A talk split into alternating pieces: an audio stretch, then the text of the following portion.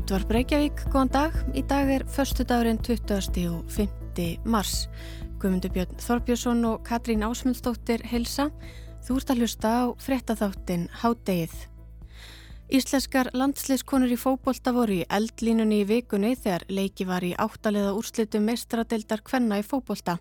Þá er landsleikur framöndan hjá Kvennalandsliðinu við Kvítarúsland í undankeppni heimsmeistramótsins en leiki verður í Serbíu vegna aðkomu Kvítarúsað stríðinu í Úkrænu. Landsliðshópurinn verður kynntur eftir hádegi.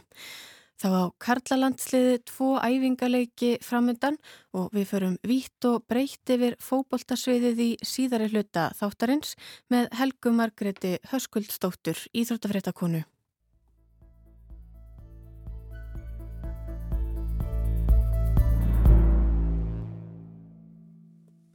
Í gær ávarpaði Volodymyr Selenski fórseti Úkrænu leðtóar áð Evrópusambandsins og þar þakkaði fórsetin fyrir þær viðskiptaþvinganir sem veri væri að beita gegn rúsum en sæði þó heldur seint hafa verið gripið til aðgerða.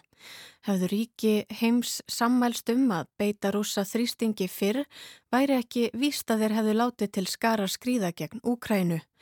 Eins hefðu fyrirbyggjandi ákvarðanir geta komið í veg fyrir orkukreppuna sem tengist sölu jarðgas frá Rúslandi og dreifingu um Nord Stream 2.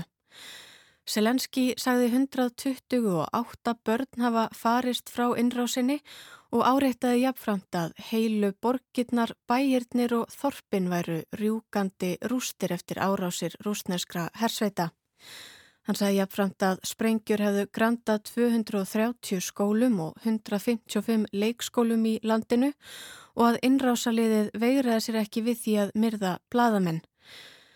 Rúsneskir herrmenn þekktu ekki merkingu gilda á borðið heiðurs lund og hefðu ekki samviskum.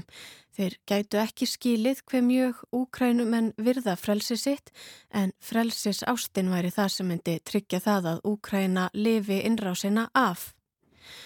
En frá því að innrás rúsa í Úkrænu hófst og fjölmörg ríki heims hófu að beita rúsa og rúsland efnahags og viðskiptaþvingunum höfum við fengið fleiri og fleiri fregnir af svo kalluðum ólíkörkum, rústneskum auðmönnum sem taldir eru hallir undir Vladimir Putin rúslandsforsetta og hafa því þurft að þóla til dæmis kyrsetningu luxusnekja sinna, dýra fastegna, mótmælendur fyrir utan hallir þeirra, jafnvel hótanur um að flóta fólk frá Úkrænu fái að dvelja í rándirum hýpilum þeirra og fristingu egna. Frægasta dæmið er eflaust ófarir ólíkarkans Rómans Abramovitt sem mun á næstu vikum eða mánuðum sjá nýja eigendur taka við knatsbyrnuleginu Chelsea sem hann kefti árið 2003. En einum þessara auðmanna tókst þó að koma 300 sæta engaþóttu sinni undan að minnstakosti um sinn. En hverjir eru þessir menn? Hvað er ólíkarki og hvað þýðir þetta orð? Hvernig urðu ólíkarkarnir svona rosalega ríkir? Eru þetta harð duglegir menn eða fengu þeir sérstaka aðstofið að breyta einum dali tvo? Við hefum þess að þáttinn á örskýringu í bóði Allafannars Bjarkasonar sem sestur er hér hjá okkur. Velkomin. Takk. Hvað segir þau? Þetta eru merkilegi menn. Uh, áðurum við rínum í, í, í söguna skulum við kannski bara kanna hvað þetta orð þýður, ólíkarki, en hugtæki er komið úr grísku og og merkir fámenni stjórn. Uh, ég leita sjálfsög til vísindavefsins til, til að skilja orðið betur og komst að því að það er mynda úr grísku orðunum ólígós sem merkir fáir og arkhæn sem þýðir að hafa fóristu eða stjórna. Þannig verður ólíkarki til en með orðinu er átt við stjórnina fáu, ólíkt orðinu demokrati sem þýðir líðræði og vísa til stjórnanfars sem við þekkjum kannski betur á Vesturlöndum þar sem almenningur kýs fullrúa sína í líðræðslegum kostningum.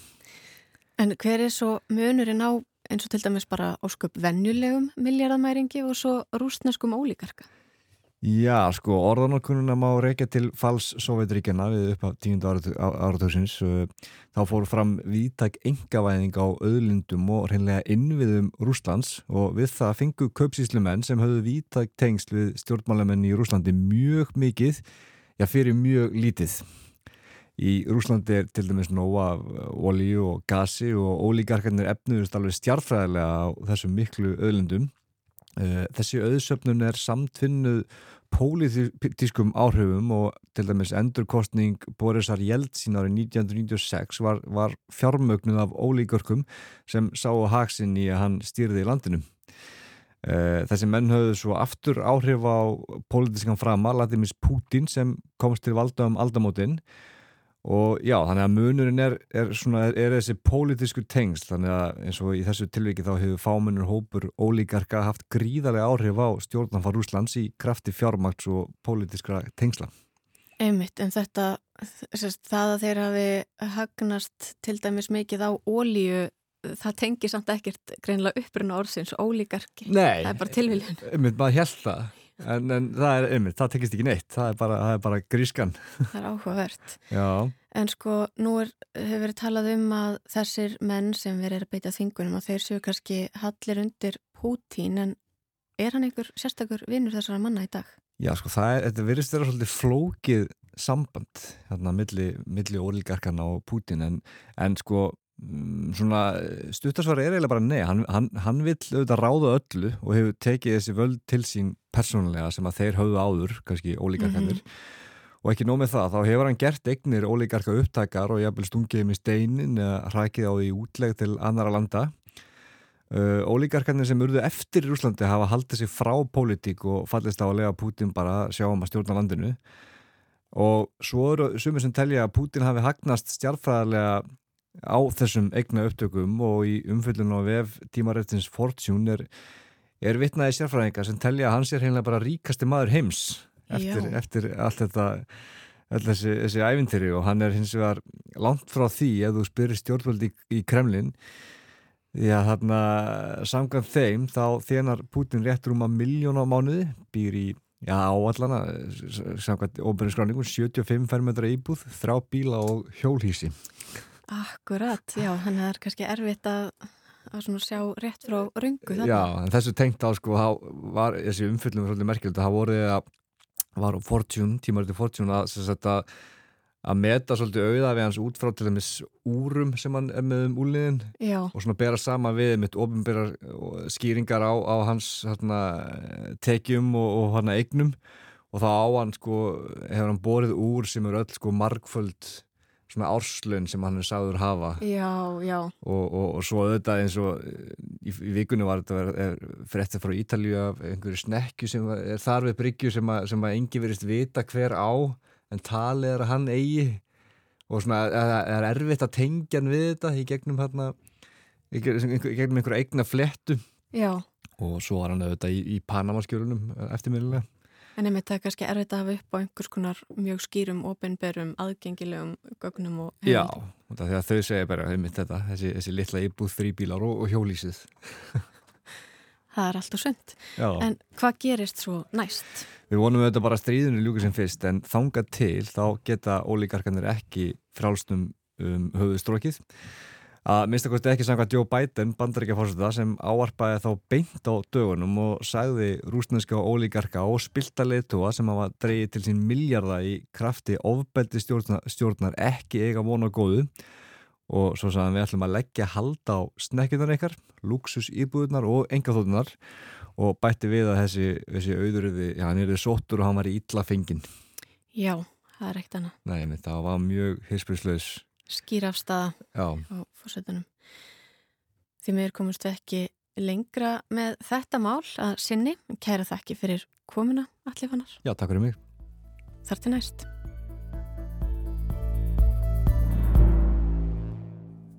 En þá hefur í íþróttirnar eins og vanalega á förstu dögum. Við ætlum að einblýna á fótbolta í dag og þótt að stærstu deildir heimsi í pásu þessa helgina er nógum að vera enda landsleikja hlje, íslenska karlalandslið á tvo æfingarleiki framöndan og hvernig landslið leikur mikilvægan leik í undankeppni heimsmestramótsins og þá var leikið í mestardeild hverna í vikunni og þar voru íslíkar í eldlínni og svo voru umspilsleikir fyrir sæti á HM Karla í Katar leiknir í gær og þar kendi Ímisa Grasa Hinga komin Helga Margret Hörskuldsdóttir í Þróttafrættumæður, velkomin Helga.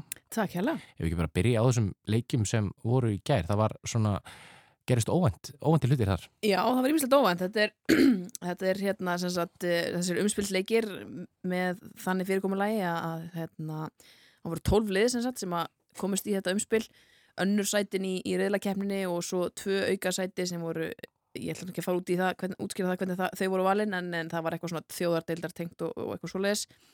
Og uh, þessi tólli er reyndar, reyndar bara 11 af því að rússar voru þar á meðal og, og af augljósum ástæðum fá þeir ekki að taka þátt. Mm -hmm. þannig að pólverjar sem áttu að mæta þeim þeir fóru sjálfkrá áfram í þennan úslítaleik og það er sagt, núna þá þrýr úslítaleikir um þessi þrjú lausu sæti og það var nóg leikim í gær Veils vann Austuríki 2-1 og þeir mæta annarkvort Skotlandi eða Úkrænu og vegna stríðsins í Úkrænu þá er, er sá leikur búið að fresta honum fram í júni þannig að hérna sá úsleitaleikur verður ekki spilaðan fyrir þá. Mm -hmm. og ég sá Garð Bale fór mikið í þessu leik. Hann spilar ekki neitt fyrir sitt félagslið en blómstar var alltaf með Wales. Já, þetta er, þetta er það er nú fleiri sem, a, sem a eru kannski með þetta svona einnkynnismerki að geta bara að spila með landsliðinu eða, allavega fá bara að spila með landsliðinu og, og sanna sig þar og, og hann spila, hann skoraði tvö mörki gær og ég sá nú eitthvað tölfræði yfir sko mörgur aukaspilni sem hann hefði skorað. Þau eru orðin eitthvað ansi mörg á ferlinum svo beintur aukaspilni um, og þeir, já, voru bara sterkað alveg þessum leik og já, hann, hann svaraði nú fullum hálsi hann einhvern spænskum fjölmjölum sem eru búin að vera rakka niður og, mm -hmm. og, og sagðist nú ekki að taka marka á þeim. Nei, Beil náttúrulega lendi í því óhappi að, að semja óbúslega vel. Það hendar honum ekki sérstaklega vel að fara frá liði þó svo hann spil ekki. Nei, nákvæmlega. Ja. og sínir allavega, hann getur eitthvað í fólkvallar þá. Já. Í það minnst að hérna smá. Eh, síðan voru það tjekkar og svíjar sem á mættust og sáleiku fór í framleggingu það var markalust eftir 90 mínutur svíjarnir höfðu svo betur, skoruðu eitt marki í, í, í framleggingunni og þeir mæta pólverum síðan voru það Portugalar og Tyrkir sem á mættust, þar unni Portugalir nokkuð örugt 3-1 og síðan er það leikurinn sem var svona mesta sjökki, það var Ítalja og Norður Makedónia, Norður Makedónia var náttúrulega í okkar reyðli, Íslandíka mm -hmm. sætla minninga, eða ekki. Og uh, það var bara komið í, í uppbúta tíma í undir lokleiksins og 90. annar mínuti þá bara skóra Norður Makedónum en uh, vinna leikin og Ítalir ríkjandi erupmestrar verða ekki með á háum Já, þetta er annað árið í rauð, eða að annað háum í rauð, þeir voru heldur ekki með 2018 og þetta er náttúrulega gríðart áfall í, á Ítalju Já, það verður bara að segja, það var náttúrulega í fyrsta lagi gríðalegt áfall að tækist ekki að komast upp úr reyðlunum sínum, eða í rauninni Mhm. að vera efstir þar. Þar voru það Sviss sem að fer áfram. Og þó svo ég held að, að Ítalinir hafi bara tæpað einum leik eða eitthvað, eða hvort er töpu leik, gerði bara eitthvað svona jafntefli, þetta var allt mjög svona mm það var bara lélegt og ég, hann Horginjó sem er hérna vítaskipta leysins, hann talaði myndu um það núna í, í viðtölum eftir þetta að, að víti sem hann klúraði hann í leik gegn Sviss Já, einmitt. eigi eftir að, að já, eldan á, áfram núna eftir að, eftir að þetta var niðurstan en þetta er auðvitað og svona, fólk er svona farið að velta upp þessum spurningum hvort, það sé hvort það þurfi eitthvað að breyta þessu undakemnisformati þegar að Európumeistaranir eru ekki að komast Mhm. áfram mm einmitt og það verður náttúrulega Ítalum þeirra verður saknað á, á heimsmeistarmótur Mhm. en það var svo sem vitað að ég annarkvort Ítalið eða Portugal myndi ekki komast að háum því að ef hefði Ítalið unnið þennan leik þá hefði mætt Portugal. Einmitt. Og Portugalir fagna örglega þessum, þessum úslitum sko því að eigum ekki að segja að þetta gerir það líklegra að, að þeir fari áfram Jú, nema þó, þó svo svo við nótum frasa hafa Nóra Makedónu menn sínt að þeir eru sínt við en ekki er geð sannarlega, svo sannarlega. Og sá leikur er 29. mars eins og, eins og leikur Pólver á það að þessi, og er þetta bara, ein, bara eitt leikur? Já, þetta er bara eitt leikur bara, og, og búið, liðið sem að vinnur fer áfram. Og svo þurfa að býða þangtil í júni eftir, eftir sagt þriðja evróska liðinu sem að fer áfram. Það verður það annarkvort Veils e, Skotland eða Úkræna sem að tryggja sér þann miða. En e, þetta er allt e, Já, það er spennandi að sjá hvernig það er þróast og, og af því að það er landsleika lið þá er íslenska kallalandsliði líka að spila. Þeir eru að mæta finnum á lögadaginn Já, og spánverjum svo þeim dögum síðar. Það verður mjög áhört að sjá hvernig þeir leikir þróast. Fyrir náttúrulega þessum uppbyggingafasa eins og oft Já. er nefndur. Og er, þetta er mjög unglið og, og óreint. Já, og kannski núna er þeir að að spila svo sem þessi leikir sem þeir voru að spila í, ég man ekki hvernig það var í haust eh, eða janúar sennilega, að móti móti það sem að, það sem að voru ekki landsleikja hlýja formlegt, þá var hann náttúrulega ekki með í rauninni fullskipa lið, það var ekki einmitt. með okkar, okkar svona allra bestu menn sem eru að spila í deildum sem að fóru ekki í, í frí þannig að það er alveg svolítið síðan við fengum að sjá það, það var bara í undakemni í, í haust þannig að verður áhvert að sjá hvernig, hvernig þetta verður Já, og Spánverja er náttúrulega með eitt, eitt besta lið á Európu og, og Algjörlega. áhverð að sjá svona, hversu stert lið þeir nota Já, það er mitt eina af þessum spurningum sem maður veit aldrei í þessum, vináttuleikum og finnar sumulegis eru svona, hvað segir mér, lið á uppleið Mhm. þannig að það verður áhugavert að sjá sjá hvað þeir gera sumulegis sko. svo er kvennalandsliðið, það á, á mikilvægan leik framöndan í undakeppni heimsmeistramótsins gegn kvítrúsum. Já, það er hérna 7. og 12. apríl eru tveir leikir, annars vegar kvítrúsar og hins vegar tjekkar og þetta eru svona síðustu keppnisleikinir fyrir EM í sumar svona formlegu keppnisleikinir, maður veit ekki hvort að það verði eitthvað æfingarleikir svona í aðdrafandanum en þessi kvítrúsneski leikur náttúrulega var svona í, í talsverðu uppnámi af því að KSI gaf það út að það ætlaði ekki að mæta kvítrúsnesku liði og kvítrúsneskri grundu Mm -hmm. uh, sem sagt uh, vegna aðkomi Kvítarúslands að stríðin í Úkrænum en það er búið að færa þennan leik og hann fer fram í, í Serbíu, Bergard Mhm. þannig að hann fer fram og verður spilaður. Já, þetta er að mörgöldu svolítið áhugavert sko því að um, það er greinlega álítið svo að þessi lægi að spila við kvítrúsa mm -hmm, en ekki við rúsa mm -hmm. og svo ef við erum að fara út í pólitíkina þá er er þetta einn og saman hluturinn. Algjörlega og, og það er kannski hérna er svona frekar áhugavert af því að, af því að KSI gaf út þessa yfirlýsingu þar sem að þeir einmitt þvertaka fyrir það að spila gegn rúsum en, en það engin, hefur engin áhrif af því, að, af því að við vorum ekkert að fara að spila mútið rúsum neins Nei, þú veist svona, þannig að þá er þetta svona, ok, tilkvæmsir Mhm. yfirlýsingin getur, getur maður hugsað sko. Mhm. en þessi leikur fer allavega fram og íslenska leiði er náttúrulega í döðafari bara að komast á þetta mót um, eftir góða, góða sigra framanaf og, uh, og landslýshópurinn hafa verið kynntur núna eftir já, bara núna eftir korter Mhm. verður hann, verður hann tilkynntur á fjölmjölafundi og kannski stærsta og mest spennandi spurningin er hvort að Sara Björg Gunnarsdóttir kemur tilbaka í, eftir batnægjangleifi af því að hún er búin að spila núna með félagsliðinu sinu, Líón Já, hún er, hún er byrjuð, að, byrjuð að spila og var uh, á varamannabæknum í vikunni þegar að Líón spilaði í mestaradeildinni og, og við ættum kannski að fara þess yfir þá leiki, það voru náttúrulega íslíkar að Íslíkar voru, voru, voru að spila í, í mestaradeildinni, voru þetta ekki áttalega úslit? Þetta voru áttalega úslit og uh, við áttum hvorki meira en að minna en fimm, fimm íslenska keppendur þannig sem er auðvitað bara stórkslegt. Þær eru þrjár hjá Bayern, Glóti Sperla Vikustóttir, Karluna Lea Vilhelmsdóttir og Cecilia Rán Rúnastóttir. Glóti Sperla, svo eina sem að spila í þeim leik, þau mættu PSG sem var náttúrulega með breyðabliki í riðli hérna Mm -hmm.